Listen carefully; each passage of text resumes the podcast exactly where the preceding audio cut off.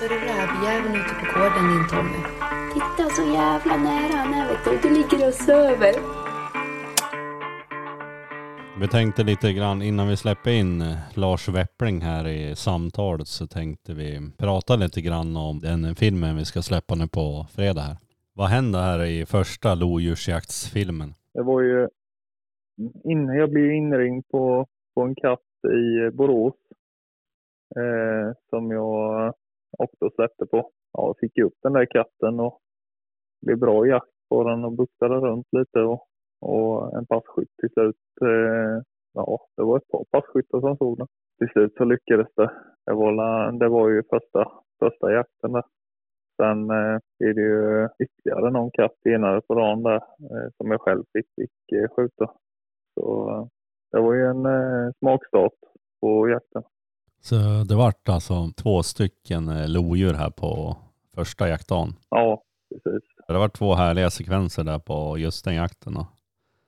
Ja, det var det ju. Den eh, passkytten som fick skjuta den första var ju inte, hade ju ingen kamera men eh, det var ganska häftigt ändå för jag, jag stod bara 100, ja, 100-150 meter ifrån så, så det var ju riktigt spännande och, och sen small det ju.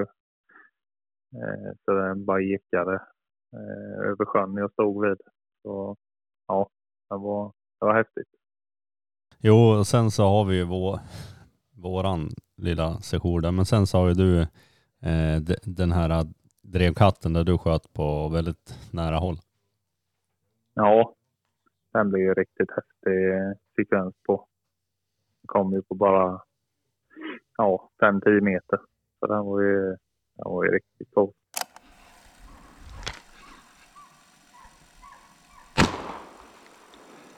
Ja, det är Erik här. Katten är klar.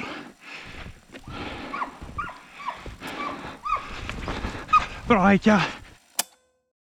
Så hoppas på att eh, det är lika bra på film som, som jag ser det framför mig. Vi har ju lite sekvenser när vi lagt på ljud, alltså efter allt har skett såklart. Vi lägger inte på något ljud i själva skottsekvensen så att eh, men på replayen blir det härlig känsla som förmedlas på film och sen så är det lite roligt, det ringer någon där precis efter du har skjutit nästan. Ja. Erik Malm ringer där. Eh, ja, jag har ju inte hunnit ringa Länsstyrelsen eller någonting. Så eh, ja, det var ju lite kul.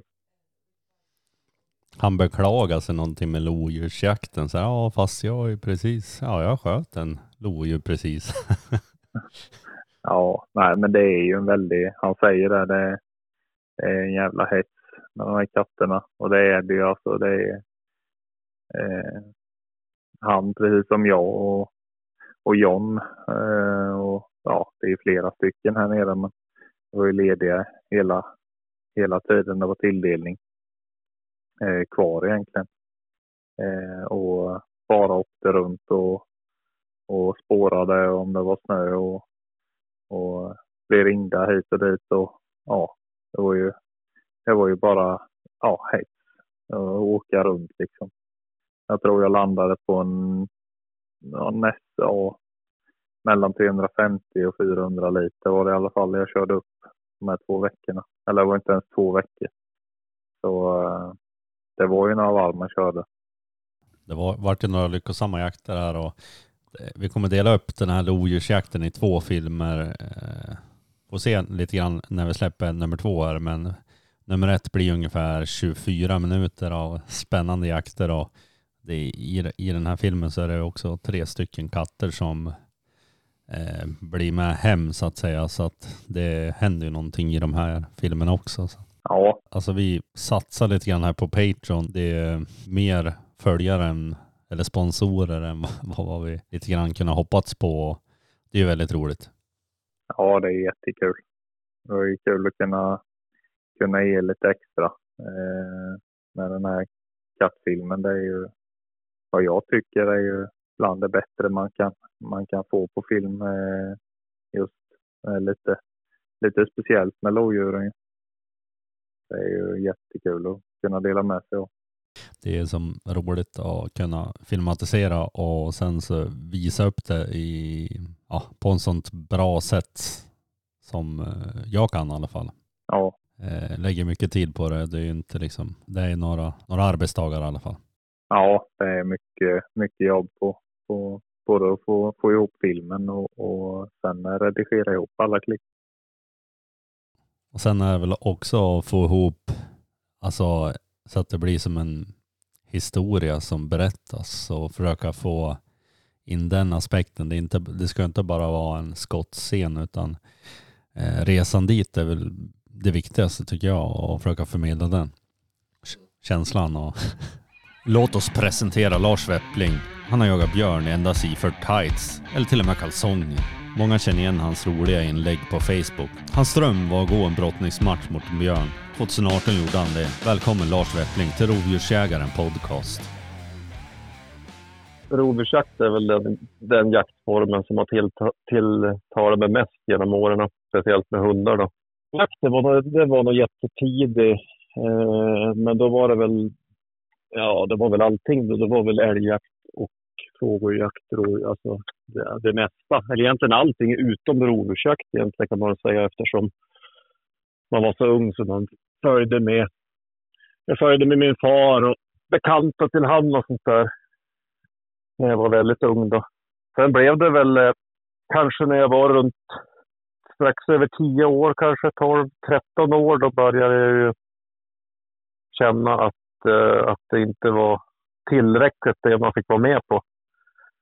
Så då hamnade jag väl att fick jag ett intresse för ja, rovdjursjakt, dels eh, fågeljakt och eh, kråkfågel och sånt och sen rävjakt.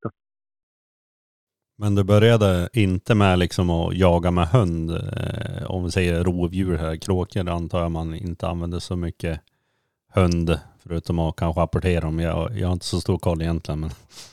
Ja, nej, men räv var väl egentligen, det, var, det första var väl kanske vakjakt var väl egentligen det första. Och så snarjakt, så att man fick följa med de som la ut rävsnaror. Det var väl det första.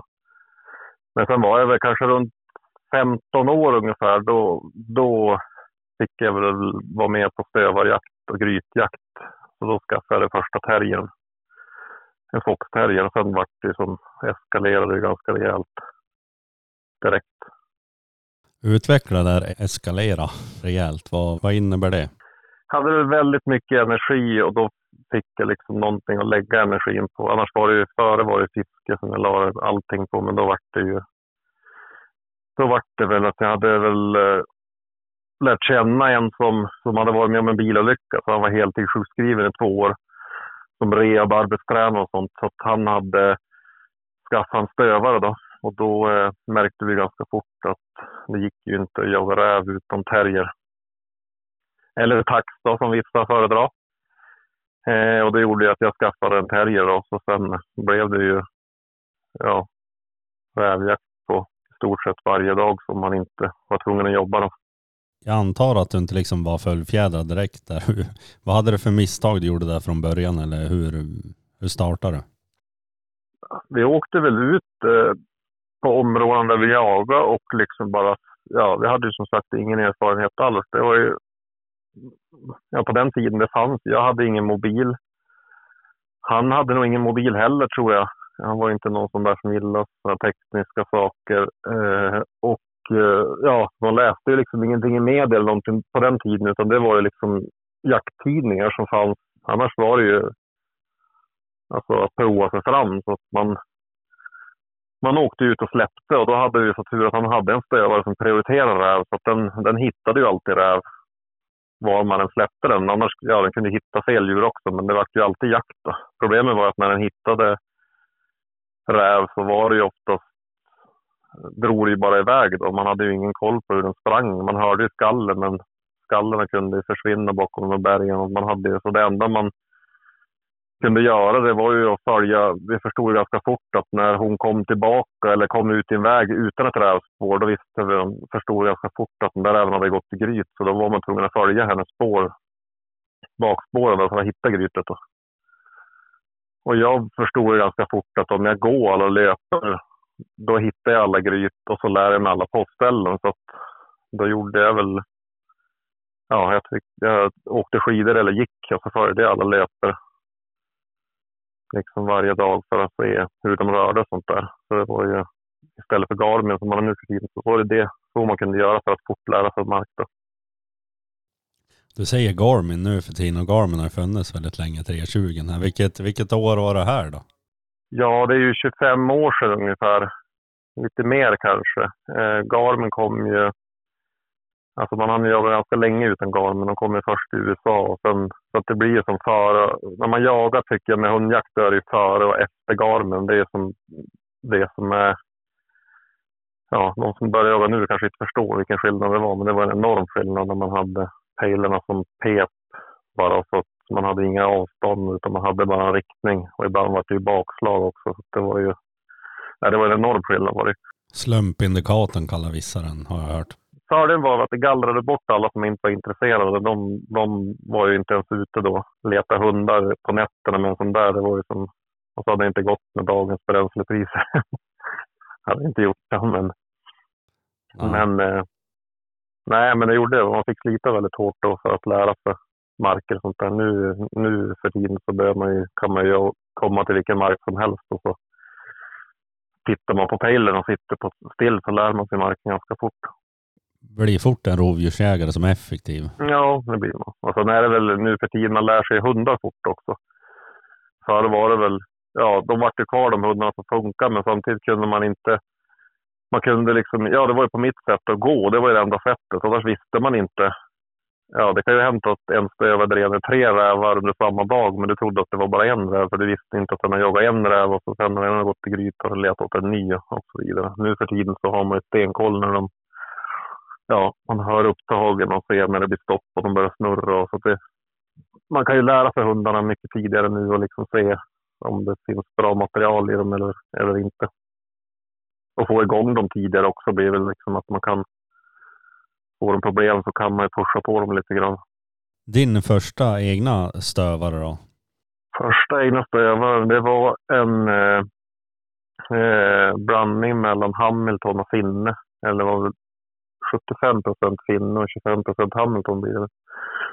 Och det var kompisen min hade ju en ren finstövare som var egentligen en meriterad, kom från väldigt meriterade harlinjer men hon valde som sagt att prioritera räv och så parade han den sen när de märkte att den där var ju väldigt duktig. Att då parade den med en hund som hette Öland som Rasmus Boström hade. Som var Hamilton och Finne korsning har jag för mig. Så de gjorde två kullar med dem och de var väldigt bra de valparna. Jag hade bara tre stycken där som till slut och två hanar och en tik. Hur var det att jaga in sin första stövare där då? Ja, det jag gjorde, jag var väl...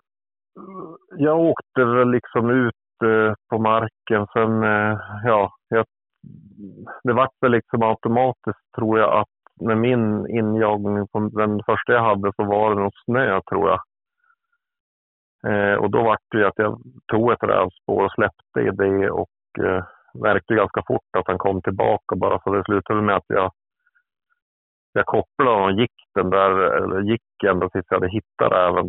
Och då vart det ju liksom, ja då vart han ju ivrig och skulle driva direkt så då släppte jag. Och så, sen höll jag väl på så jag släppte i, i spår och när han kom tillbaka då, då följde jag spåret tills och ibland då följde han mig, men det vart så att han stack iväg, då, då kopplade han ju och så följde jag till legan.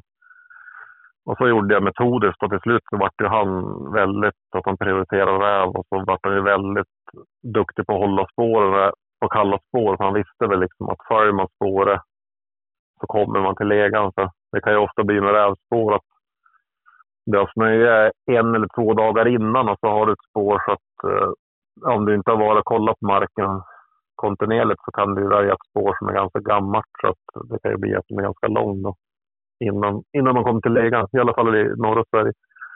Att de rör sig långt. Så att det vart ju att han vart ju väldigt van på att hålla spåren när jag gjorde sådär. När jag hjälpte honom på det där sättet. Så att han, kunde han se spåret när man släppte honom på snön så då följde han ju det även om det gick väldigt, väldigt långt.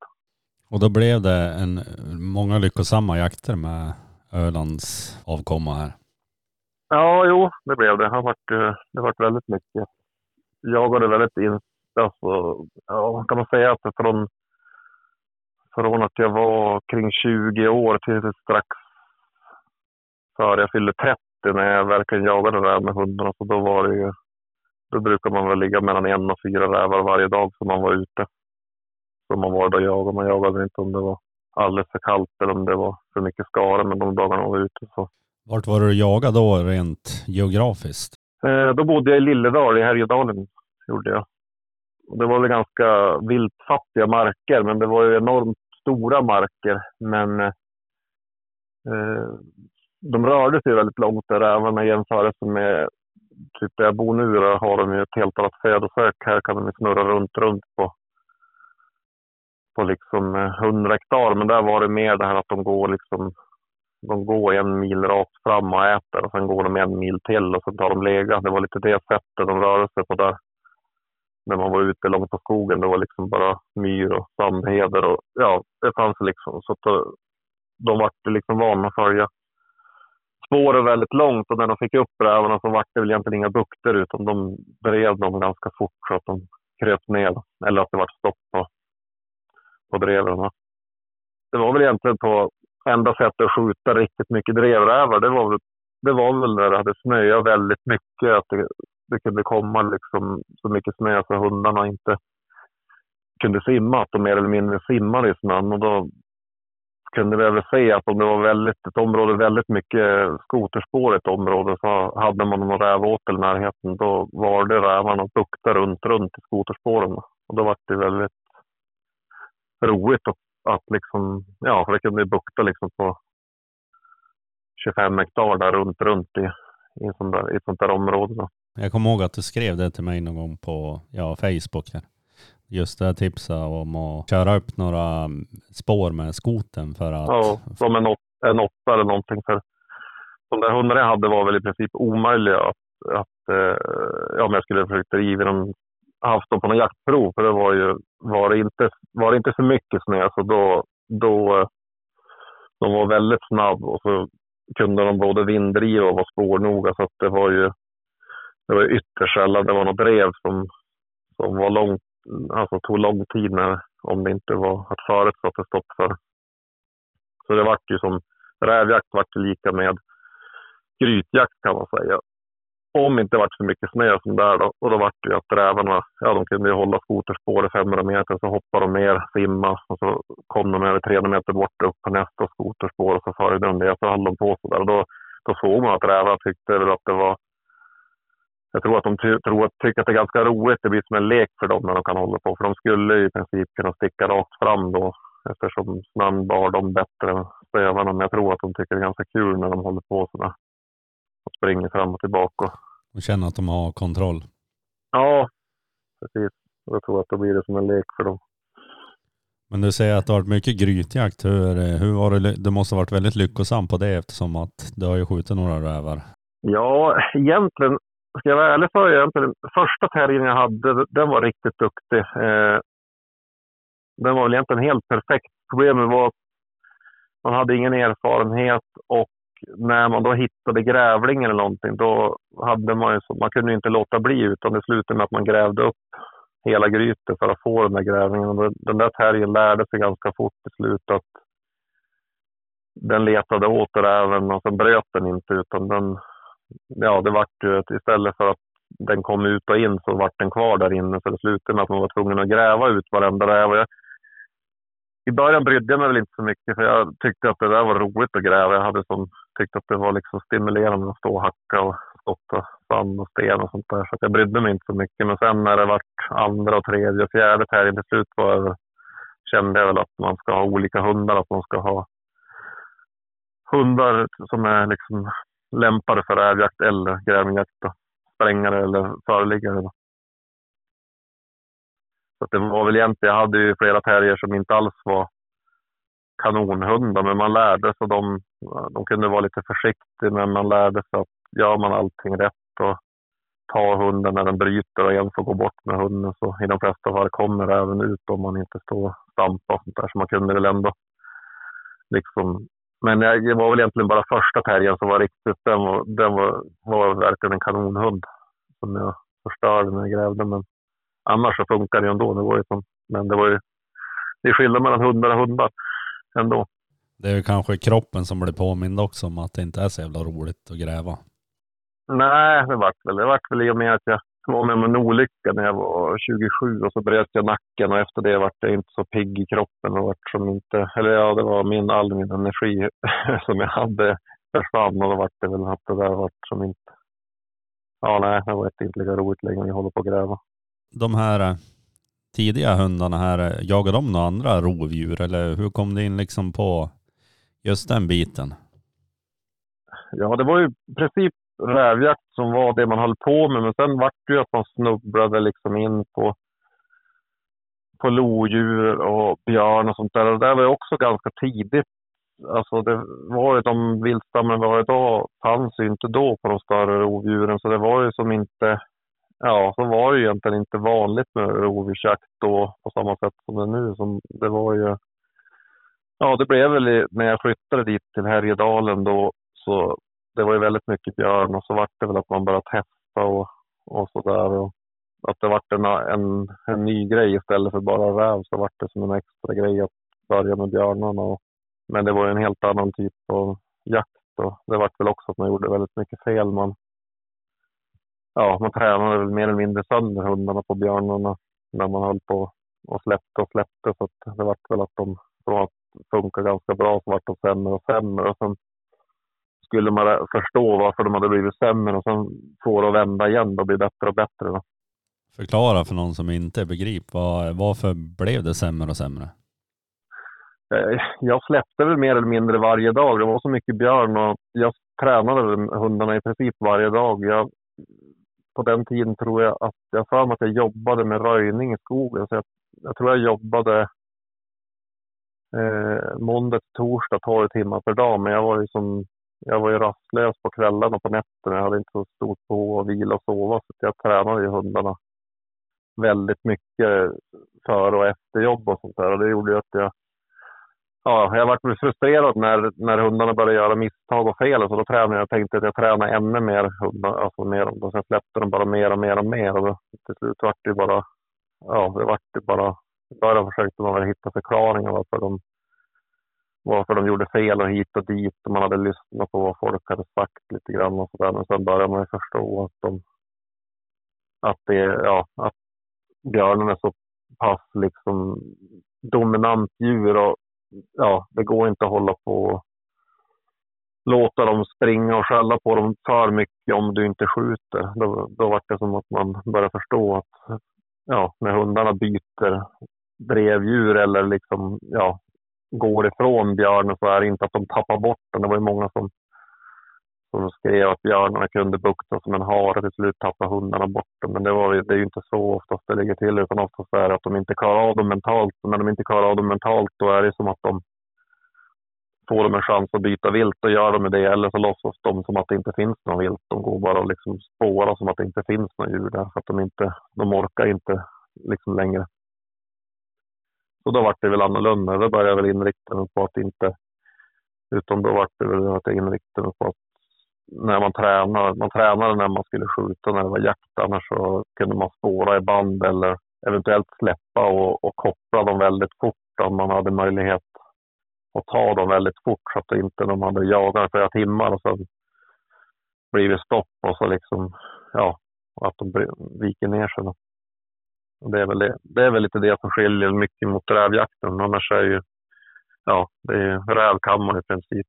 De, ja, de, det gör ju ingenting om det. Du behöver inte ha någon bössa med ens om de vet vad det gäller. De kan ju bara hålla på och driva, driva ner dem i gryt eller liksom så tycker de att de har vunnit den kampen när de har jagat ner dem redan. Så att, men eh, med, med de där större rovdjuren så måste man väl tänka lite annorlunda.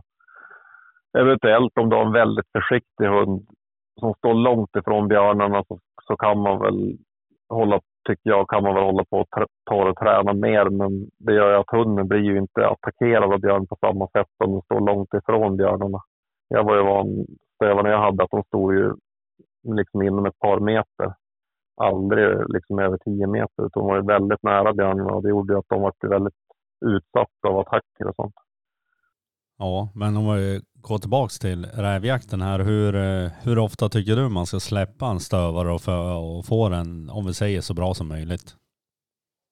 Ja, du kan ju en stövare i, när den är liksom i sina bättre dagar, alltså från ung hund till upp till tio år, ja, då kan du ju släppa varje dag. Utan de, de har ju en kropp som är skapad för att springa. Sen eh, är det en meter snö och de måste hoppa, då, då tar det hårt i ryggen på dem. Men är det liksom normalt före, då kan du släppa dem i princip varje dag. Så blir de bättre och bättre ju mer du släpper dem.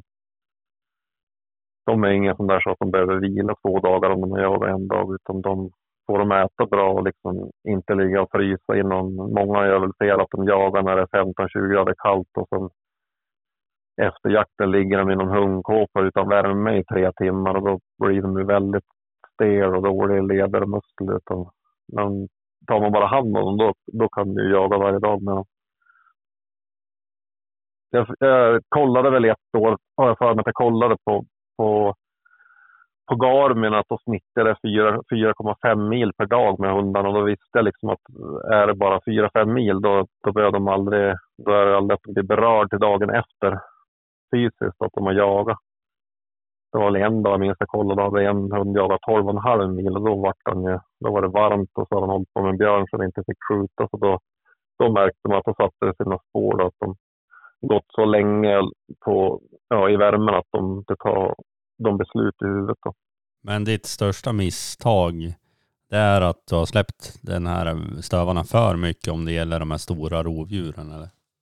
Ja, jo det är det eh, Lodjur kan man väl träna, men då är det ju samma där också. Det är ju, de flesta lodjur de, de klättrar ju upp i träd, men det finns många individer som inte gör det, som, som hellre slåss med en hund än att klättra upp i ett träd. Och då blir det ju samma där också. Att har du otur att träffa en sån eller att du jagar ett sånt område där du kommer i kontakt med det lodjur flera gånger när det inte är jaktbart och du släpper på den, och speciellt om hund, alltså då, då är det, blir det ju inte så lyckat om den, om den gör allting rätt och så slutar det med att den står tio meter ifrån katten och så kommer den där katten och hoppar på honom gång på gång.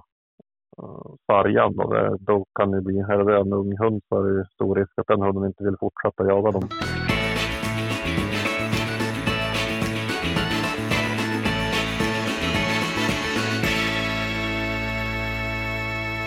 Rovdjursjägarna med mig Tommy Mig Petrus. Och mig Erik. i samarbete med Hunter. Om man säger du har ju vad jag kan förstå jaga de flesta rovdjuren vi har i Sverige och vilken, vilket rovdjur är farligast för en hund? Ja, på, lukt, på lukten då är ju björnen det djuret, egentligen det enda djuret tycker jag som man ser på hundarna att de har respekt för. Och det är ju speciellt stora hanar. Man, de känner ju skillnad. En hund känner ju skillnad om det är en stor hane eller om det är en liksom, björn som väger 50 kilo. De känner ju en enorm skillnad. En stor, en stor hane har ju en enorm, enormt mycket starkare lukt som gör att hundarna får ju mer respekt bara av att lukta ett sånt spår. Däremot är ju en sån björn inte så farlig egentligen för att oftast har ju hunden, de vet ju att den där kan inte jag hoppa på och flyga på medan en en liten lodjurshona som alltså väger 15 kilo, när den, den kanske inte är, ser så farlig ut för en hund som inte har lärt känna lodjuren. Alltså den kanske är lite dumdristig mot den, medan den är väldigt, väldigt snabb på korta avstånd och, och liksom fyra ben med klor och en mun. Då, så att jag, jag tycker egentligen att lodjur är de, de djur som, som liksom kan skrämma hundar mest på det sättet och sarga dem. Liksom. Björnar, då blir det, jag har Ja, alla mina hundar, eller jag har väl haft hundar som har blivit biten av alla rovdjur. Både varg, eh, järv, lodjur och björn. Men det är väl ändå varit... Jag tycker väl ändå att lodjur är det som är vanligast att det, att det händer grejer. Så då kommer vi till nästa fråga. När, när är hunden redo för att möta respektive rovdjur då, eh, tycker du? Det går inte att säga att en, en en ålder tycker jag, för det beror ju helt på hur mycket man jagar. Alltså det, det finns ju personer som jagar fyra, fem dagar i veckan hela säsongen. Och det är klart, om den, en sån person, när den hunden är två år, det blir ju som en hund kanske som en, ja, en vanlig Svenssonjägare Men han har en hund som är tio år. Utan det blir ju lite, alltså det blir väl egentligen, man måste ju se hur de mognar. Jag brukar, brukar väl tänka att hundarna, de rovershundar jag har, de får ju jaga, Jagar räv, mård, grävling, liksom sånt i början, första året kan man väl säga. Då, för, ja, när de liksom är ett halvår och liksom däromkring. Och sen brukar jag liksom titta på dem, att, hur de beter sig med grävlingar. För jag tycker att grävlingar då går enormt fort från att de är liksom första djuret de ståndar, det blir ofta en grävling. Och så från, från att de får sina första liksom bett från, från ett annat rovdjur så ser man att det händer ganska mycket från grävling nummer ett till grävling nummer tio. Och det är väl liksom när man ser att de hanterar grävlingarna väldigt bra avslappnat, att de inte liksom är skärrade när grävlingen gör, gör utfall och biter dem, då, då, tyck, då kan man liksom gå vidare med andra rovdjur, då, de större rovdjuren. Annars kan det bli lite fel om, man, om, man, ja, om hunden inte klarar av en grävling. Då, då, då kommer den ju inte klara av ett ståndskall på ett lodjur eller en järv eller en björn om den gör ett utfall. Sådana saker. Så det är en bra temperaturmätare på vad du har där i kopplet? Ja, det tycker jag. Och det är just grävling, det, det händer så väldigt. Och så är det ju det att de får jobba räv. Då blir det ju mer, jag menar det blir, släppa en stövare på räv, det är som att han jagar en älg i princip. Det blir ju ett drev som de jagar ett djur som springer och det, det går ju så lätt för dem. Utan grävlingen blir ju, den beter sig som en, ja, men som en lodjur, järv eller björn fast i miniformat. Då, utan den, den springer undan och sen när den väljer att inte vilja fly längre, då stannar den ju på backen och, och försvarar sig. Då. Så att, men samtidigt är den ju inte farlig på samma sätt som de andra djuren. Den, den biter ifrån, men det är inte så att det, det är någon jättefara. Alltså hur kom du in på mer på björnjakten? Jag vet att du hade den här äh, Ölands avkomma där och äh, sen så hade du någon till hund som du hjälpte till med jakten. Alltså... Första avkomman där hade jag och när han var ett år då, då började jag ju äh, med han på björn och gjorde väl det fel att jag släppte liksom för mycket och sådär. Eh, men han var ändå med på björn första året, men då var det ihop med en rutinerad hund. Eh, då blev det ståndskall och den björnen hade jag ju liksom aldrig skjutit.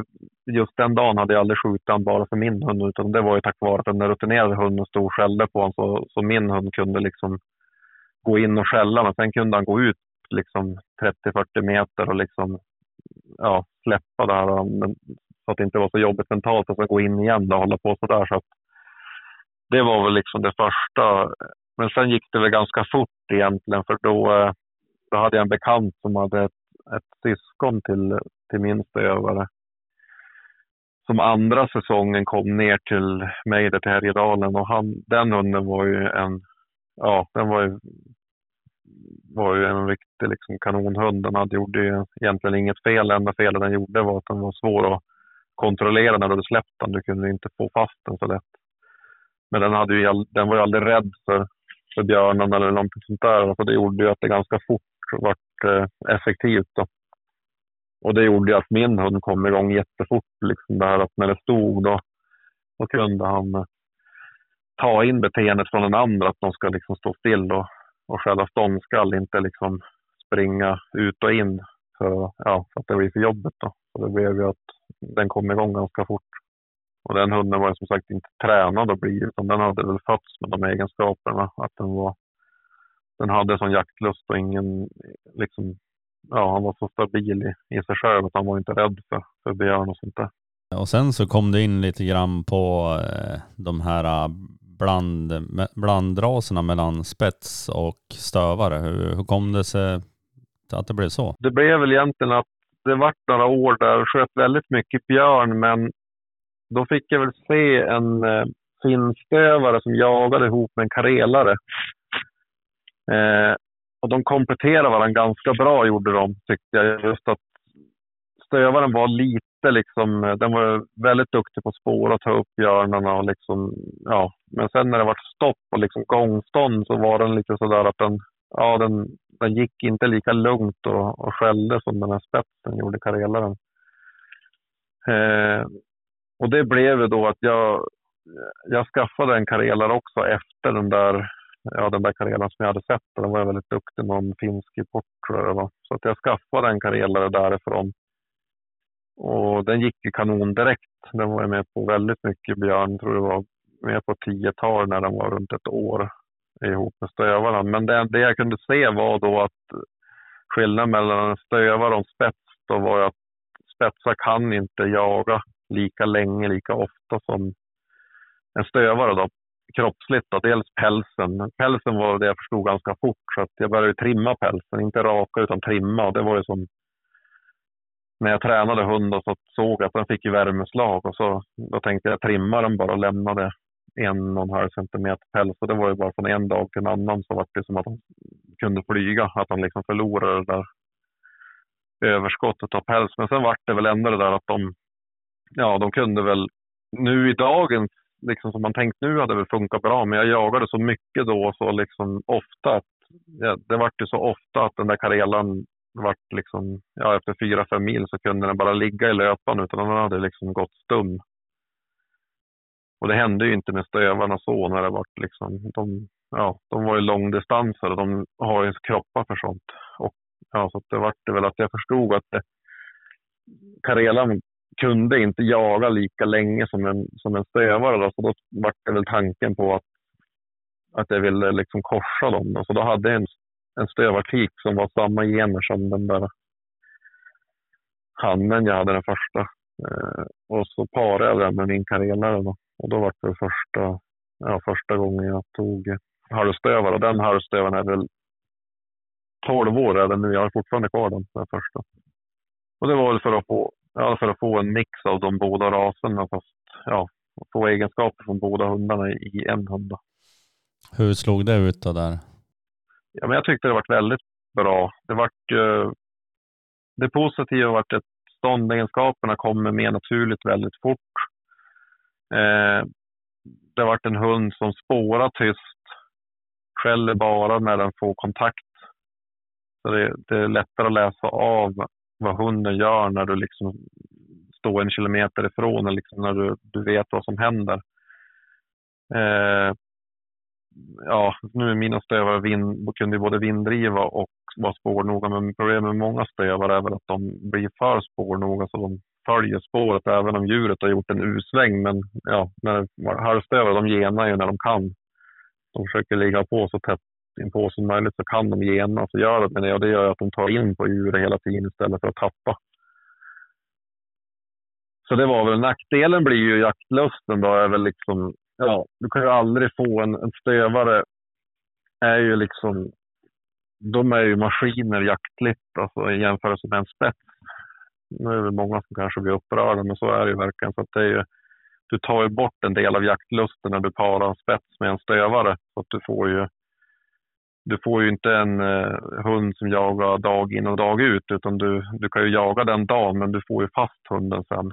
Du, men många gånger är ju inte det mindre effektivt heller, för oftast, jag menar, är du duktig jägare så har du inte lyckats skjuta djuret liksom på förmiddagen, då, ja, då spelar det liksom ingen roll. Då kommer du inte lyckas ett halvt dygn senare heller, så då gör det ingenting om du får fast hunden. Så jag, har ju, jag tycker inte nu att det är någon nackdel, men, men det blir väl ibland är det väl gånger som, som stövare hade kunnat gjort saker bättre än halvstövare i och med att de aldrig är så att de är mer uthålliga. Men jag försöker ha både halvstövare och stövare för att de, de har olika egenskaper.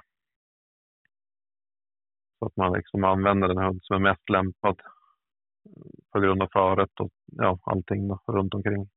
Men hur är det med, hur kom du in på liksom de andra rovdjuren här? Du har ju hållit på mycket med först rävjakten och sen så eh, björn och sen kom du in på andra eh, rovdjur också. Eh, ja, det blev väl att jag ganska tidigt började eftersom jag har väl egentligen, jag, jag har väl i princip eh, styrt mitt liv efter jakten jobbmässigt sen jag var, jag gick jakt Gymnasium började men jag hoppade ju av efter eh, en månad eller två. Och så började jag jobba som avbytare på en, en bondgård och då jobbade jag ju halvtid och jagade halvtid men ganska fort så vart det att jag jag jagade mer och mer, jobbade mindre och mindre, sålde, fiskade, sålde fisk, jag gjorde allt för att få in pengar men att jobba så lite som möjligt. Så ända sedan dess så har jag väl styrt av att jag jobbar bara för att, ja, för att kunna jaga Då.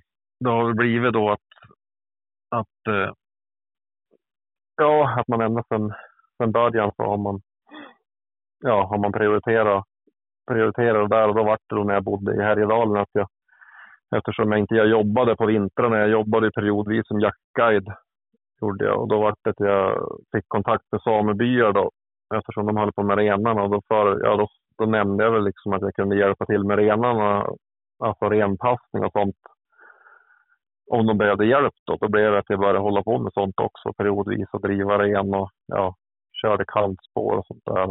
Och sen vart det väl liksom att ja, att de ville testa dem när de hade skyddsjakter och sånt med hundar och sånt. Och man, ja, på den tiden var det väl inte så vanligt som det är nu, utan då var det väl mer att man, man gick och bandade lodjur och sånt och hade ute väldigt många postar. Eller liksom, man jagade inte det här, ja, man jagade inte rovdjur med drivande hundar, att man släppte dem på ett spår och som man gör nu. Då. Så det vart väl så det började och då, då spreds det väl ganska fort då, inom samebyarna att, ja, att jag kunde hjälpa till och så. Och sen, ja, så det var väl på den vägen. Då.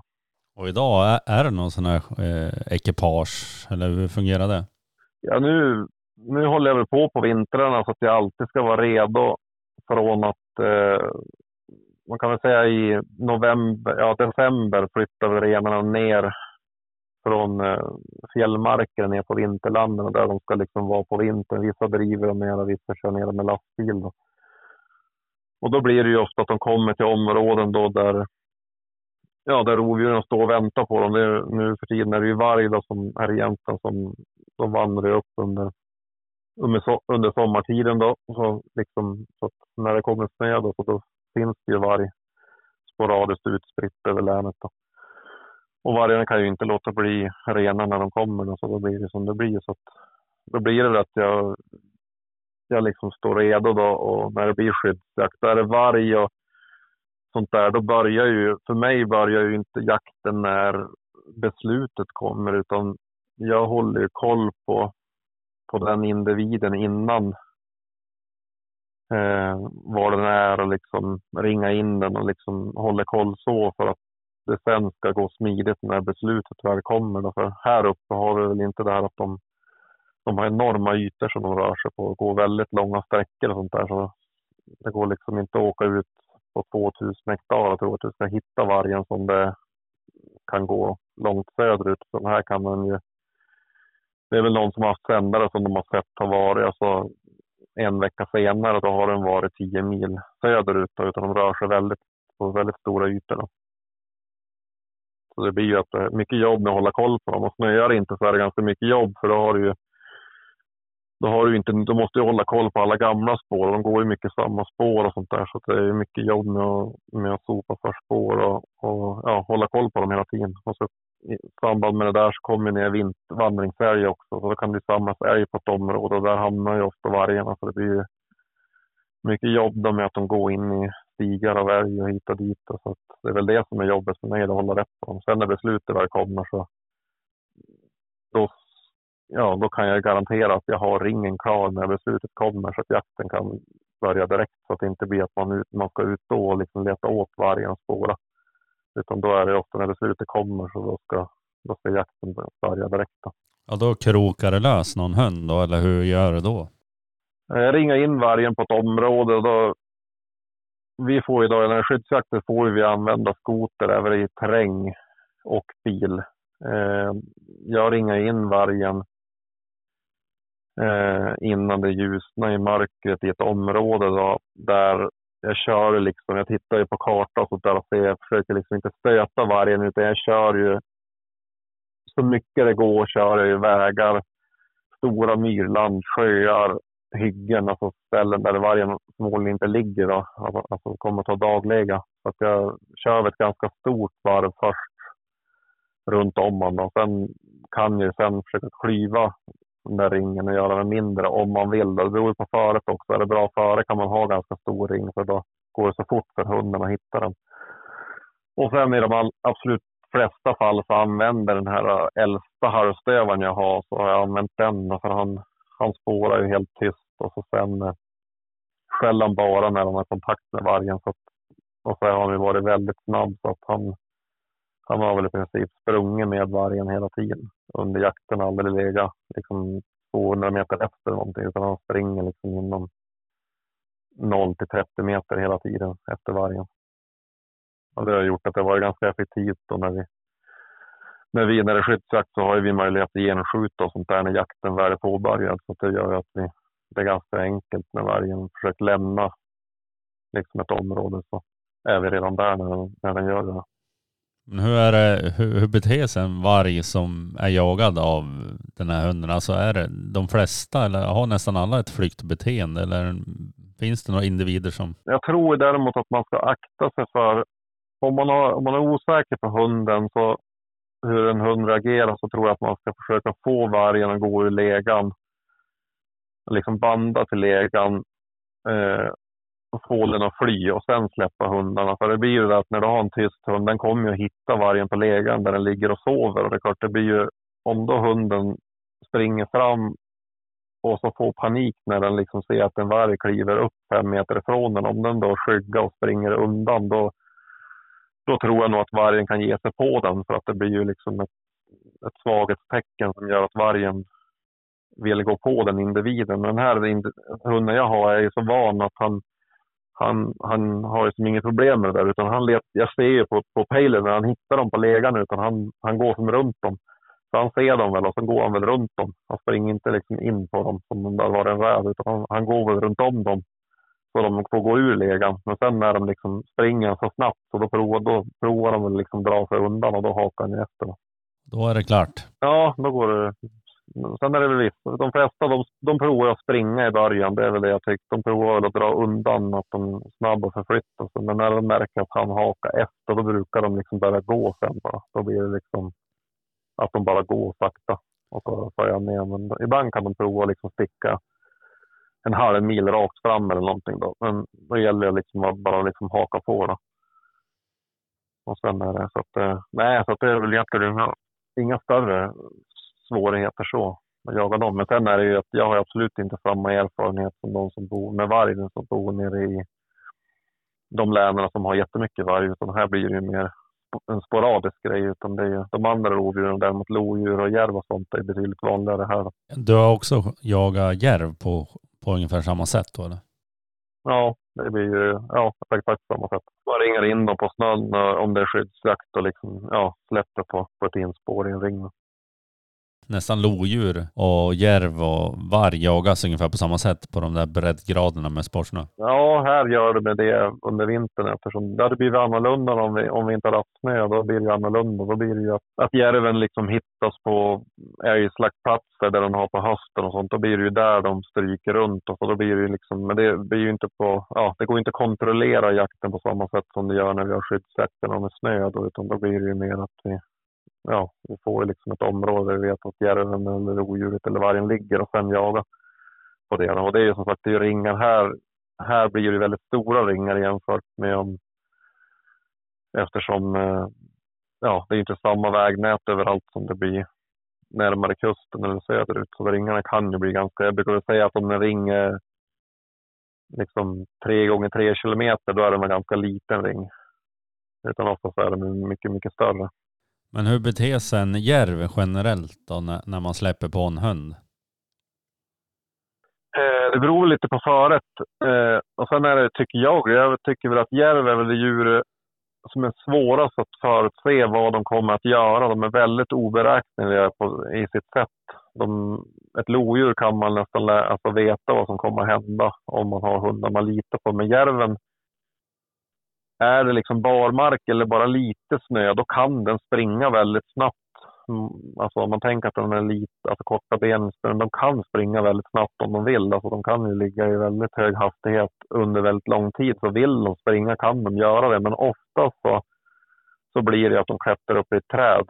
Gör de. Och det behöver inte bli att hundarna tvingar upp dem. Det var, under många år så körde jag med kamera på hundarna liksom på olika jakter och då såg jag att det var ju ofta så klättrade järvarna upp när hundarna var långt bakom bara av att de inte ville, ville bli förföljda. Så man såg liksom ingen järv på... Man kunde se att hunden drev över en myr som var ja, helt öppet men man såg inget djur och så sen kom den in på andra sidan så började den ringa och då visste man liksom att ja, i och med att man hade tittat på pejlen samtidigt och det där och sett det i efterhand så visste man att ja, men det var där de träade sen. Alltså att de, de, kunde, de träade även fast de inte var, hundarna var alldeles uppe i dem. Då.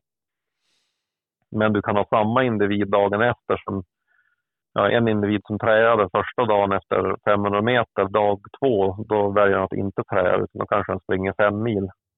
Det enda som, som man kan säga säkert är att får du, får du tre, liksom fyra decimeter luftsnö på, före jul, alltså på, på, på marken så att det inte är några liksom, olika lager, då har ju järven för korta ben i jämförelse med en stövare och det gör att den hinner inte undan och då blir det att den hoppar lite som en mård och då hinner hundarna ikapp direkt. Det blir en konfrontation då, eller har du, varit med om något sånt på en järv? Uh, ja, jo det har jag varit. Uh, de absolut flesta fall så är det, är det helt harmlöst, utan då träar de ju bara. Men i vissa fall så, så väljer de att hellre försvara sig än att klättra upp i ett träd. Eh, och då är de ju ganska tufft. De är inte rädda av sig. Det är samma som när de klättrar upp i ett träd det var ju inte ovanligt att jag, att jag träade samma järv tio gånger på en dag. Har du ett lodjur och då en hund som stannar vid trädet, då är det ju oftast bara ett träd. Sen sitter den ju där tills du kommer in. Men järvarna är så, de är liksom så rastlösa att, att de sitter där och så får de bara för sig att nej men nu ska jag ner. Och då, då vänder de sig om och så klättrar de. De klättrar ju alltid med huvudet neråt och så vänder sig upp och ner och så då kommer de ner fast du har hunden under. Eh, även fast du står där, du kan stå där och prata så kommer den bara ner. Så det gör att du kan liksom, ja, du, du kan hålla på sådär och knuffa samma järv. Men eh, vissa de väljer ju att stanna och, och försvara sig. Och då kan de ju vara ganska tuff, men, men jag tycker egentligen inte att järven är, Ja, att den är något av de farliga djuren, det tycker jag inte. Däremot det är klart, har en dumdristig hund och en, en stor järv på 20-25 kilo, det är klart att den, den järven kan göra ganska mycket skada i, i jämförelse med en grävling på 15 kilo. Men, men eh, jag tycker att det är farligare med lodjur. Men eh, när jag skulle hitta ditt nummer här så googlade jag ditt namn här och då stod det 2018 här var du med om en liten incident. Eh, kan du berätta någonting om den? Eh, det var väl då en björnjakt. Det var en bekant till mig som hade, eh, hans flickvän skulle, var tänkt att han, hon skulle få skjuta en björn. Eh, var det väl tänkt. Uh, klart, eh, jag hade väl släppt hund där och så blev det ganska fort ståndskall och då var det på fel mark har jag för mig. Så, men då hade han väl kontaktade jaktlaget så vi fick väl gå in där så att vi hakade på spåret och gick in. Jag skulle följa henne in men den där björnen var väldigt orolig och ja, gick runt i, på två hektar i en tät plantering och gjorde utfall mot hunden hela tiden. Och så där. Det blev att jag såg björn vid flera tillfällen, men det var liksom bara... Jag hade väl sagt till henne, jag brukar säga till dem som för mig in att fokusera bara på björnen och, liksom, och när jag säger skjut då, då behöver du inte tänka på att ha koll på hundarna. Så har jag stenkoll på var hundarna är så att ingen hund är bakom eller framför. Eller liksom, så att jag vet att hundarna är liksom, så att de inte kan träffas. Men det vart ju det vart liksom bara frågan om halv sekund och en sekunds lägen så var björnen liksom borta i, i riset igen. Då. Och sen, eh, sen bytte den område till en ny plantering och höll på så där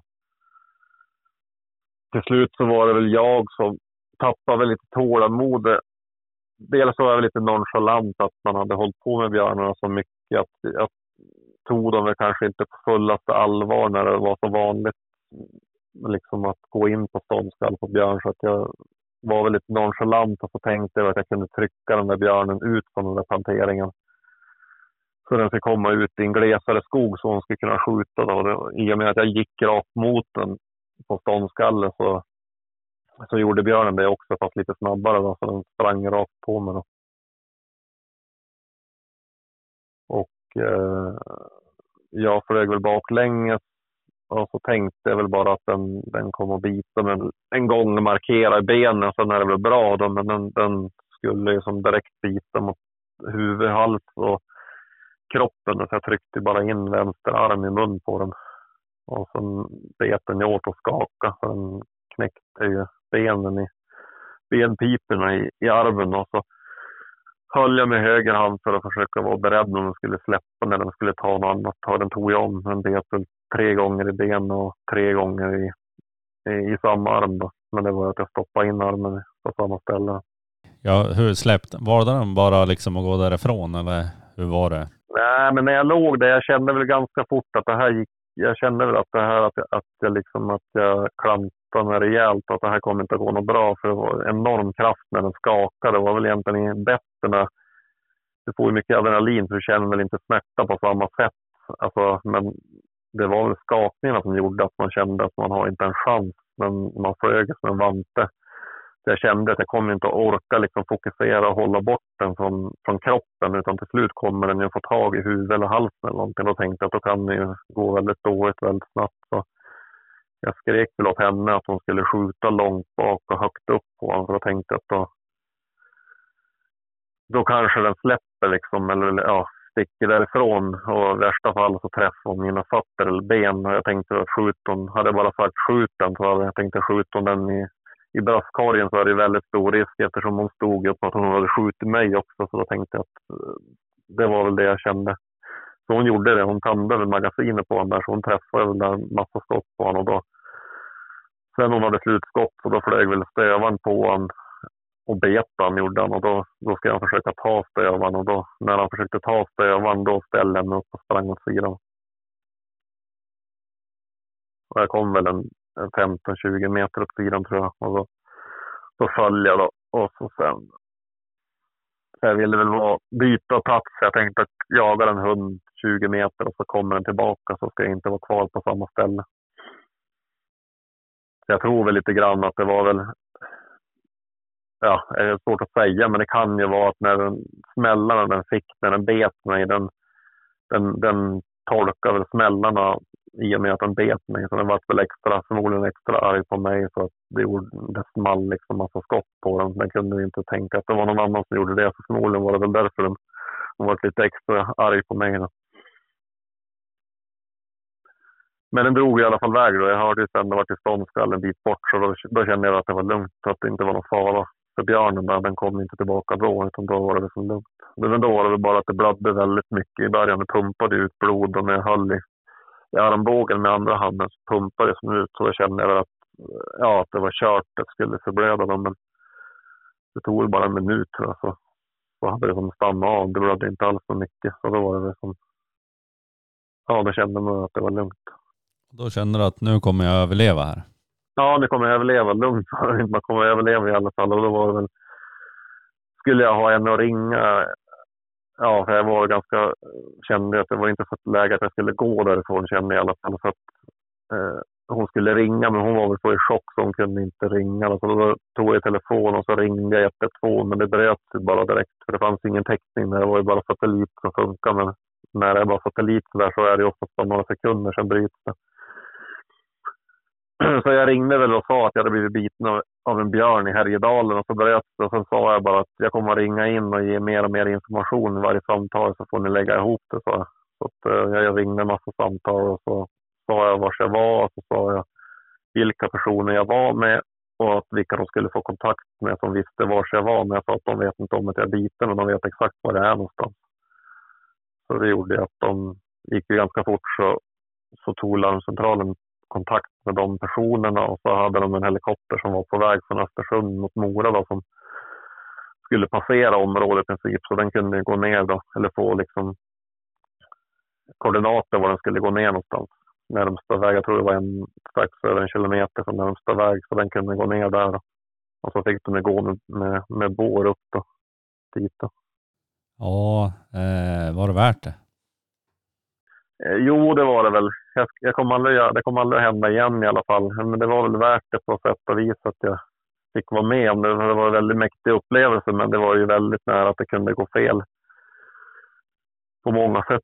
Det var ju som ytterst nära att jag varit lam med armen, sa de. Jag har en nerv som är skadad i armen som gör att tre fingrar inte funkar. Och det sa de att den, skadar man den nerven så får man ju något som kallas dropphand. Och man var ju lam med handen, så det var ju ytterst nära att handen vart lam så det var väl liksom nära att det kunde gå, gå väldigt fel. Och så var det ju väldigt, väldigt tur att björnen inte fick för sig att gå på henne. För hade den gått, klart, hade den gått på henne när, efter jag hade blivit biten och så hade hon skjutit, alltså då hade det kunnat bli väldigt tokigt. Det är ju inte, ja, man är inte så att man går upp och kastar undan dem när de börjar hålla på sådär. Så det var ju, ja det kunde gått väldigt, men nu gick ju allting bra på sätt och vis och då var det väl då känner jag väl att det är väl som det bästa minnet jag har från alla, alla jakter. Det enda som, som jag känner ja, som, som verkligen betyder någonting är väl just det minnet. Har du använt det här i sexuellt syfte någon gång för att... Eh, nej, nej, inte så. In, inte det. Nej, men det var väl någon grej som var tvungen att hända tror jag. Jag hade väl haft det som dröm sedan jag var väldigt liten. Min son är sex år nu. Jag tror jag var ungefär den åldern jag började sitta och dagdrömma om att möta en björn. Att ha en björn med en kniv eller någonting. Men jag hade väl haft det i bakhuvudet att jag ville, ville uppleva det men ändå inte. Men nu vart det, vart det sådär så det var väl, var väl meningen. du hade liksom ingen bössa med dig in då eller? Jo, jag hade bössa, men jag, jag, jag liksom siktade inte utan jag gick med den bara liksom på axeln och så gick jag filmade först. Jag hade en huvudkamera men jag hade tagit ner den för jag, det tog så lång tid allting. Så jag höll den bara i handen. Och då var jag så fokuserad där också när, jag menar, man har en sån där som ska skjuta. Det är ju väldigt mycket att vara fokuserad på. Det är tätt och så det, då var det 200, det 200 lös. En spövare då som var, ja vad var han då, 13 år kanske, 13-14 år. Så hade jag en son till han som var som var bara ett par år. Och då var jag så fokuserad att var, hålla koll på björnen, hålla koll på hundarna och så hålla koll på henne. För det var som att man, ja, man la all fokus på det.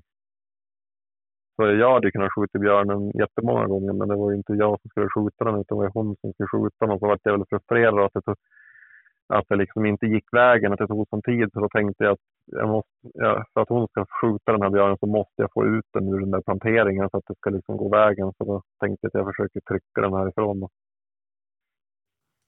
Petrus, har du några reflektioner? Du sa att du skulle kunna ta en liten björn med en kniv en gång, kom jag ihåg. Nej, det sa jag inte. Jag sa att man björnar under 100 kilo, de kan man ta med kniv. ja, jag kan väl nästan säga att det... Men du verkade ju hade glömt kniven. Jag? Ja, du hade bössan. Nej, jag har aldrig, jag har aldrig, jag har aldrig kniv. Nej, men då, det är svårt att förverkliga drömmen. Men jag tror att när jag var, li, ja, när jag var liten så hade jag någon tanke att, att man kunde låta dem bita, sen kunde man sticka dem i stickhålet. Visserligen skulle man nog kunna klara det. Men det är ju de där jävla skakningarna, när de skakar på en så, så flyger man ju en och en halv meter åt höger och vänster, fram och tillbaka i några hundradelar. Så det är svårt att fokusera, annars skulle du nog säkert kunna klara det. Även om man kanske inte prova på det igen. Men, men däremot tror jag det spelar nog ingen roll om björnen väger 80 kilo eller 250 kilo. Det har nog ingen betydelse. De är så fruktansvärt stark. Men dina referenser när, när du var sex år var ju typ Nalle Puh, eller vad var det? ja, men jag tänkte väl liksom att den, den, den står där och tuggar på armen och då hugger man den i stickhålet. Man hade fått lära sig när man var liten att sticka älg i stickhålet. Man såg hur fort det gick att tömma den på blod. Så det var väl min tanke att jag kan tömma den där på blod medan den håller på att tugga på min arm. Så kan jag tömma den på blod så att den dör ganska fort. Ja. Men eh, det var nog tur att man inte hade knivar för då hade vi huggen där överallt i halsen och hit och dit och då hade man blivit ännu argare. Så det var kanske tur att jag inte hade det. Har du varit med om några andra situationer där det har varit liksom nära ögat? Ja, med björn var det jättevanligt förr. Utan jag, var, det var som någon, jag var väl lite dumdristig och nonchalant och så hade jag väl någon sån där... Jag, jag tyckte väl egentligen inte att det... För att det skulle vara riktigt roligt skulle det bli, skulle det bli riktigt liksom spännande och farligt tyckte jag. Det var ju, hände ju några gånger att man kom in på ett ståndskall och så var det lite glest och så såg man björnen på 30 meter och så då kändes det som att allting var förgäves den jakten. Det kändes som att ja, men det vart ju ingenting av det här.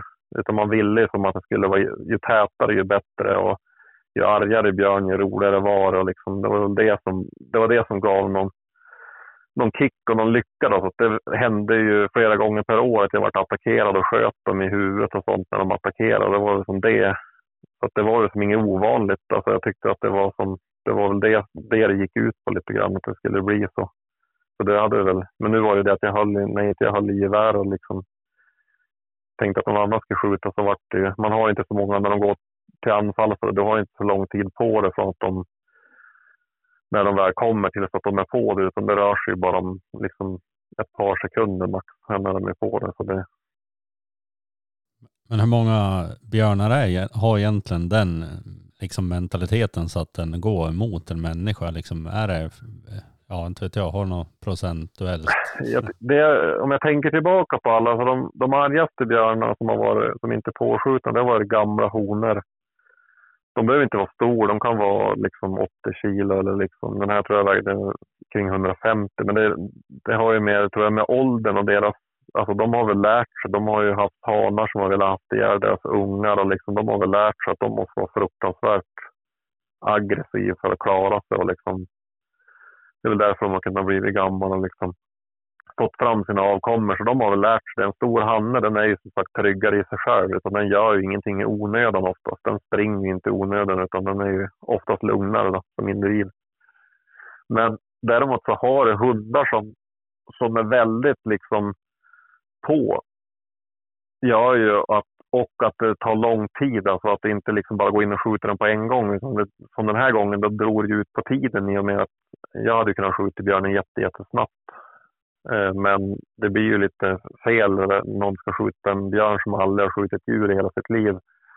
Och så går du in. Jag kunde ju liksom inte tänka då att den här personen kanske är livrädd att gå in på 10-15 meter och det är en björn som jagar hundarna. Utan för mig var det helt naturligt. Men jag kan ju förstå nu att för den personen så var den kanske i chock bara av att vara där. Och jag var ju liksom mest irriterad att, att, den, ja, att den liksom, det tog så lång tid. Då.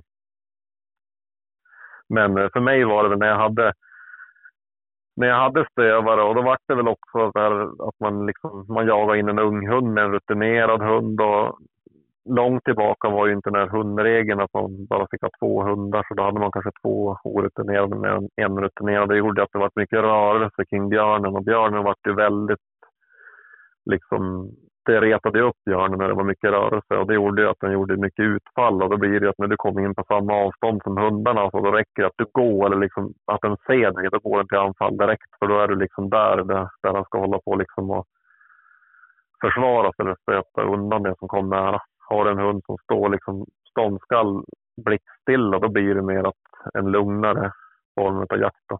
För att överleva då, och har du något tips då hur man approachar ett björnstånd? Hur man överlever själv.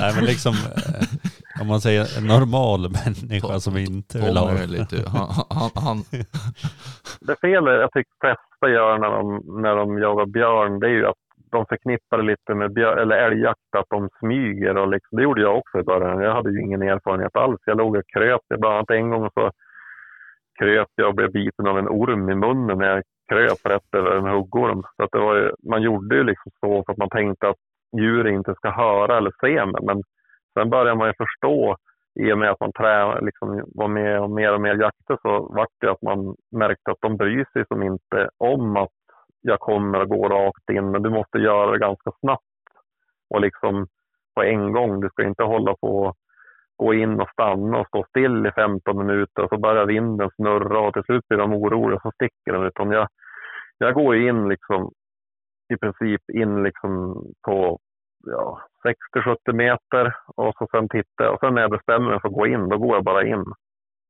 Rakt på bara i princip. Sen klart stannar jag ju sen när jag är inom skotthåll. Då stannar jag för då måste jag ha koll på hundarna och allting. Men jag går i princip bara rakt in. Jag håller inte på kryper eller velar. Jag bryr mig i princip aldrig om vinden. Man behöver aldrig bry sig om vinden. Om, men då är det också att är hundarna på mycket, då blir det att björnen inte är lika liksom, brydd om sådana saker. Har du en hund som står långt ifrån björnen och skäller liksom sporadiskt, då blir det mer känsligt det där. Att då ska du tänka på vinden, var det kommer från och allting. För då är björnen, då står den och har koll på allting. Men har du två hundar som skäller inom ett par meter från olika håll, då blir björnen så fokuserad på hundarna så den tänker inte på, på det andra som är runt omkring. Ja, så att det, hur man approachar det, alltså lite grann hur, vad det har för slags material som står där och skäller. Ja, jag, jag, har, jag har inte jagat vildsvin jättemycket. I princip ingenting, lite grann för jättelänge sedan. Men det är väl lite grann samma sak där tror jag. Att det, du ska bara in liksom på ståndskalle så fort som möjligt. Du ska inte hålla på och vela så mycket. Är, man ska inte tänka älgjakt. Det har ingen likhet med älgjakt egentligen. Utan det är björnar som går i ide som du kan få ståndskall på i slutet på oktober, början på november. Då blir det ju som att, ja, att ståndskall på en björn som inte vill liksom springa iväg. Men det är augusti-september, då ska du liksom bara in så fort som möjligt. Och kommer du från, liksom, kommer du från helt fel vind och då bra tryck i hunden. alltså då, jag går aldrig runt och kommer efter vind utan jag går bara rakt in Då. vi kan ta min hund som ett, exempel här då. Om vi tar min smålandsstövare som blir två år i juni här. Eh, liksom om jag ska få han att bli intresserad, eller ja, till en björnhund här, eh, hur ska jag gå tillväga då? Det är ju att ta kontakt med någon som har hund som funkar och så släppa med den då. För då blir det ju att den, den lär sig av den andra hunden. Det var ju så det var för min första hund. Den fick ju lära sig allting av den andra hunden när det gällde björn. Så det är ju det enk, absolut enklaste. Eh, har man inte den möjligheten eller inte vill göra på det sättet, då är det väl egentligen att att liksom, och så måste man väl kanske veta lite grann hur hunden beter sig liksom med andra djur. Vad gör den när den, när den hittar andra djur? Flyger den rakt på eller liksom, är den lite liksom, ja. Man kommer ju ha mycket, se mycket bara av att den spårar. Spårar den med världens självförtroende, att den drar i kopplet eller kommer den liksom smyga fram. Smyger den fram, då är det ju då kommer inte hunden att springa rätt in i björnen utan då är ju hunden redan lite försiktig. Så då är det ju men har du en hund som är väldigt på, då är det ofta det där att då springer den ju som en idiot och sen springer då står björnen och väntar på hunden inom plantering så den springer rätt på den och så blir den attackerad. Då. Så det ena man kan göra det är att banda liksom. Har du en drivande hund då, är det ju, då gör det sig själv att hunden skäller och då går ju björnen undan. Har du en tyst hund då kan det vara bra att gå och prata eller någonting. Man ska väl kanske inte gå och smyga och för att hamna liksom, för då kan det ju en björn som bara står och väntar och så gör den utfall när du står där så då är det ju bättre att gå och prata.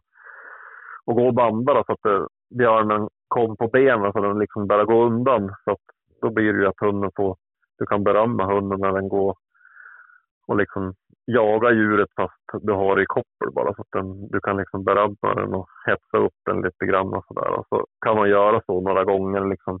Sen är, gå liksom och banda en halvtimme och sen berömma dem och sen gå, där undan, gå därifrån. Då. Och så göra sådär några gånger innan man bestämmer sig för att släppa då, så att det inte kanske blir... Men sen är det ju ingenting som säger att det är så man ska göra. Men det, är ju, det kan ju träffa de fel individ i början så då kan de ju bli väldigt, väldigt rädda.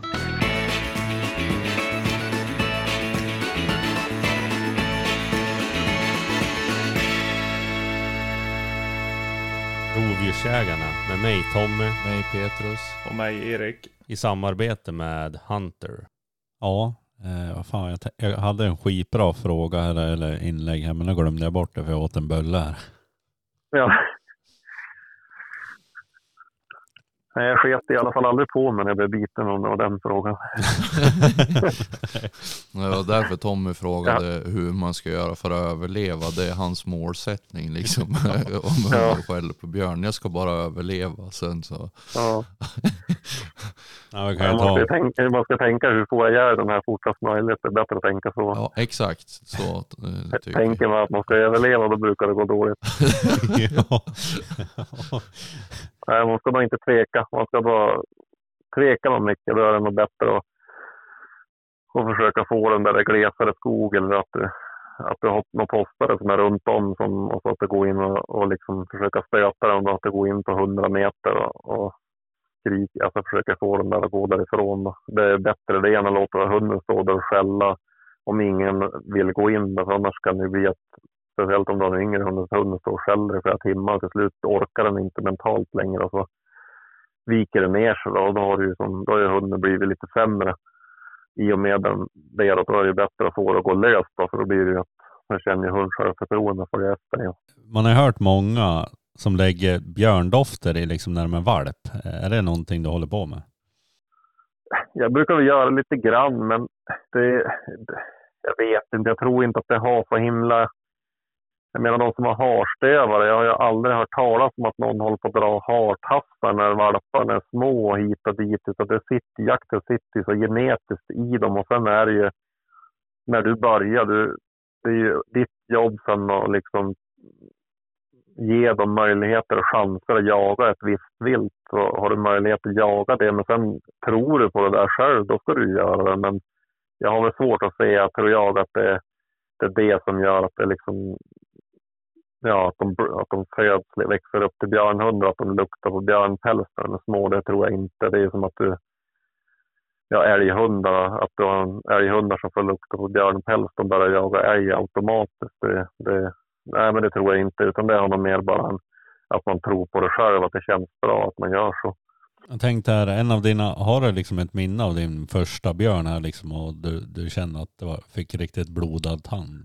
Eh, jo, jo, jag minns väl de flesta. Eller inte, man minns, alltså, om, man minns väl inte om man ska sitta och prata om en och en individ, men man minns, det, det blir ju ofta så. Det är väl det som är så, så mäktigt och roligt med björnjakten, är att det blir ju ofta dreven blir väl kanske ingenting som du lägger på minnet när du har skjutit mycket björn eller varit med på mycket björn. Då blir ju ett björndrev blir ju en form av rävdrev om du har skjutit jättemycket drevrävar. Utan det, det faller liksom bort lite grann.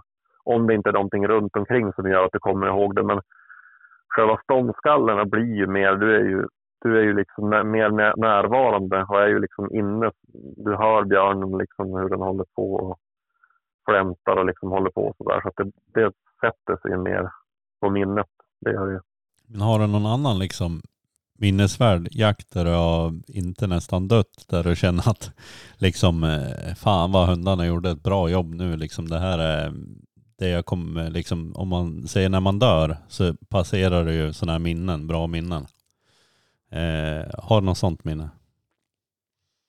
Ja, det finns väl egentligen hur många som helst eftersom det vart så förut det vart väldigt mycket jakter. Det vart liksom enormt mycket björnar som sköts under en period där så att det vart ju liksom sådana jakter varje år som, som är väldigt speciella. Alltså dels sådana där attacker då björnarna attackerade och man hade visst att det var, alltså att det var bara nära att den inte kom på en. Och då var gånger där man inte litade på någon hund och man försökte få fast någon hund som man trodde jagade fel djur. Och hunden vägrade bli kopplad och sen slutade med att man ja, går in och då är det en björn ändå. Då, då blir det något missförstånd där att det har varit älgspår och språngspår i vägen. Man trott att, att hunden jagar det och liksom, det blir sådana grejer som har gjort att man, man har varit förbannad och frustrerad i flera timmar. Och sen när man väl går in och tror att det är en älg som står där inne och då är det en björn istället.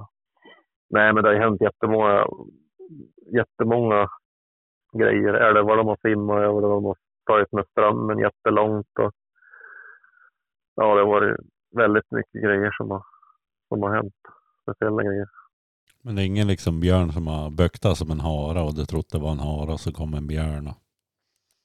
Nej, i regel gör de väl inte det på samma sätt. Det är ofta så att de har bytt till en hare. Man hörde ju ofta så där i början att de, de inom contorta liksom snabbt och buktade liksom, då, i en contorta och det är björn, då går det jättesakta. Utan då går de ju bara. Stå still, gå, stå still. Nu springer de jättefort. Då är, det, då är hundarna bytt till hare. Men hundägaren vågar inte erkänna för sig själv att det är hare hunden jagar. Det är väl det vanligaste. Så blir det så att de är liksom inom en, två hektar. Då är det då är det ju ståndskalla gångstånd där inne. Det är inte så att de springer runt, runt. Men ja, det gör de ju inte. Nej, precis. ja, har du varit med om det? kan du nog tänka Jag har hört talas om sådana historier som ja, utspelar sig i höst. Man själv har hört hände ju en själv jättemånga gånger. Man släppte på björn och så kom det in och kom torta och så började det bukta. Och, och man sprang in och man såg hund gick det liksom. Och man såg ingen björn. Och sen frågade man ju mer erfarna jägare som hade hållit på med björn längre och de sa ju att de gör så där ibland utan de springer av sig hundarna in i, in i planteringen. Men det var ju bara svammel, det förstod man sen. Utan det var ju, då har de ju bytt utan de har ju sprungit på en hare eller en räv. Oftast är det ju hare då. Man ser det, man, det man ska ha koll på det är ju hunden, vad den gör liksom med näsan. Börjar hunden gå med näsan i backen, stövare är ju enklare på, börjar den gå med, med näsan i backen hela tiden så, och man ser att den verkligen går och liksom nosar jättemycket medan den springer runt sådär och har som att den har borta björnen, då är det ju för att den har börjat med en hare. Det är ett annat, den behöver ju växla om till en helt annat luktsinne då. Björn behöver de inte göra så. Är björnen väl uppe så behöver de inte hålla på sådär. Men hur gamla spår kan bruka, ja, men dina hundar ta liksom? Eh, man hör ju alltid att det ska mätas i hur bra björnhund man har. Det, är så, det där är så svårt. Alltså, alltså det är klart de som gör de här björnhundstesterna, de kan ju se det. De kan ju se det liksom exakt. Annars är det väl egentligen bara om du ser en björn som går över en väg och du far dit, då vet du exakt tiden. Men eh, har du en rävåtel eller någonting och du har haft en björn som har hamnat där, då blir det lite missvisande för att det kan stämma att du får en, en bild klockan 12 och du är där klockan 5. Att det är fem timmar, men det kan också vara att björnen har varit där till klockan tre eller fyra. Även fast det bara är en bild så kanske den var 50 meter in eller 100 meter in. Och det gör ju då att det inte blir så gamla spår egentligen, utan det är väl egentligen bara det här när de sträckgår björnen och du vet hur många timmar det är. Annars har du egentligen ingen uppfattning mer än att den var där, den kom dit då, men sen vet du inte hur länge den stannade i närområdet då. Men det är väl en, det är ju den, den absolut viktigaste egenskapen hos en björnhund, det är ju den som tar upp. I alla fall där, där jag jagar, där har man ju liksom, man får max liksom, man får inte så många spår att släppa på och då har du inte en hund som fixar alla spår, då, då, då lyckas du inte så bra i alla fall där jag jagar. Det blir ju att du, du blir ju beroende av en hund som tar upp dem. Sen när du tar upp dem, då är de ju som inte så svåra att jaga så länge hundarna klarar det mentalt. är de ju inte så svåra att jaga i och med att de, ja, de, det är ju ett stort vilt som luktar väldigt mycket. Så de tappar ju liksom inte bort en björn så länge de vågar mentalt. Då. Men den bästa hunden du har jagat med, vad, vilken var det och vad hade den för egenskaper som gjorde den bäst? Ja, det var väl den här, jag hade en stövare jag fick ta över mm, som var ett kullsyskon till min. Då. Eh, den är väl helt överlägsen alla andra hundar jag har sett i och med att den, den, det var i princip aldrig att den misslyckades på ett spår. Man visste liksom att man kunde låta två, tre andra liksom prova sina hundar först. Och när de inte fick upp björn, då kunde de säga ja, men släpp in den där. Och så visste man liksom att när jag släppte in den så så hittade han alltid björnen. Då. Han hade som aldrig några problem med det. Däremot kunde han ju när han var yngre, då jagade så mycket räv så då var det ju det där, fanns det räv i, i området så då tog han ju ofta det. Och sen på senare år då slutade jag jaga räv med och då var det ju mindre problem med det utan då var det ju mer att han höll sig till, till de där andra djuren. Men annars var det ju som, det enda han hade när han var ung, då var han ju väldigt, väldigt på björnen och det gjorde att björnarna sprang väldigt långt. Han var ju optimal lodjur och järvhund och sånt där när han var, när han var ung. han var väldigt snabb och liksom låg på. Men björnarna hade ju inte ro att stå still i början liksom för att han var så jäkla på. Så det gjorde att det drog iväg jättelångt innan, innan Björn stod still. Sen när han var äldre då var han ju så lugn i sig själv. Eller lugn han kanske varit att han kände att han kunde inte springa och liksom utmana Björn lika mycket som när han var yngre och det gjorde att han, då stod de ofta ganska fort, all, antingen i upptaget eller liksom inom ett par kilometer. Så det var ju, han hade ju det, liksom det mentala från början men han, han var lite för het för björnarna för att det skulle bli effektivt att skjuta på ståndskall första åren utan då var det mer, mer att han liksom låg på väldigt hårt. Hur stor skillnad är det egentligen på en spets och en eh, Eh, stövare liksom, hur ofta, mer ofta får en spets ståndskall än en stövare? Ja, spetsen har ju ståndskallegenskaper liksom från början, så den, det är klart, den, det står ju fortare för en sån hund det gör det ju, än för en stövare. Stövaren springer liksom runt björnen, liksom det vanliga. Sen är proppstövare, amerikanska stövare, de, de, är ju lite mer där att de står still och skäller som spetsar gör. De springer inte lika mycket som våra nordiska stövare gör. De liksom, ja, nästan fastnar liksom i trans på ett ställe och står och skäller och då blir ju björnen lugn. Då står den ju. Det är samma med en, ja, en spets som jobbar, då blir ju björnen lugn. Men men du kan ju få nordiska stövare att jobba likadant också. Så att man kan väl säga att det är, det är lättare att få en spets och bli en fungerande bra hund, alltså björnhund än en stövare. Men lyckas du få en, stö, en nordisk stövare att bli en bra hund så, så kan du aldrig få en spets och bli lika duktig. Det är väl det jag törs lova. För att de har ett sånt brett register. De har liksom, spetsen har ju ståndskallegenskaperna och lugnet men de, det faller bort på allt andra. Då. Att de inte kan hålla i lika länge och de kan inte spåra på samma sätt som en stövare kan göra sådana saker. Du har ju köpt en finstövare här och du skulle hämta en eh, sån här en halvstövare. Och... Ja, det blir ju om två veckor blir det en halvstövare. Och nu förra veckan hämtade jag en finstövare. Beskriv hur, hur du kommer få dem till den här, för jag antar att du ska ha dem till primärt kanske till de större rovdjuren senare. Alltså steg ett, det, alltså beskriv hur, hur din plan där är. Ja, det här, man kan säga det här åren nu, för de blir ju, de, ja, de är ju två månader nu kan man säga. Så det blir ju liksom den här säsongen så blir det ju räv, grävling, mård, sådana saker. Sen kommer jag förmodligen att jaga lodjur och eh, järv med dem till vintern också innan de har blivit ettårsålder. Men ihop med an, alltså någon annan hund. Då. Det kommer jag nog att göra liksom, när jag vet att jag har någon rutinerad hund som får göra. Men eh, annars blir det liksom rävar och mårdar och grävlingar som, som, det, som det blir mest fokus på innan snön kommer då, innan det drar igång med skyddsjakterna. Vad har du för hundar idag då, om du räknar med de här? Jag har två stycken halvstövare som är blandning. En som är 12 år som är karelare och Hamilton och finne. Och så en till som är tio år som är samma, samma blandning då, karelare och finne och Hamilton. Och sen har jag en som är blandning mellan Redbone, någon eh, kanadensisk ras, ras och Hamilton och finne. Och så sån här prottstövare då, blandning med Hamilton och finne. Men alla är ju till åren nu. De är ju mellan 9 och eh, 12 år alla. Då, så det är därför jag tar två hundar nu. Då. En halvstövare och en stövare. För att inom fyra år kan man säga då, då har i princip ingen av de äldre är i princip jaktbar nästan. Vad jagar du mest idag? Vad har du mest jakttid på?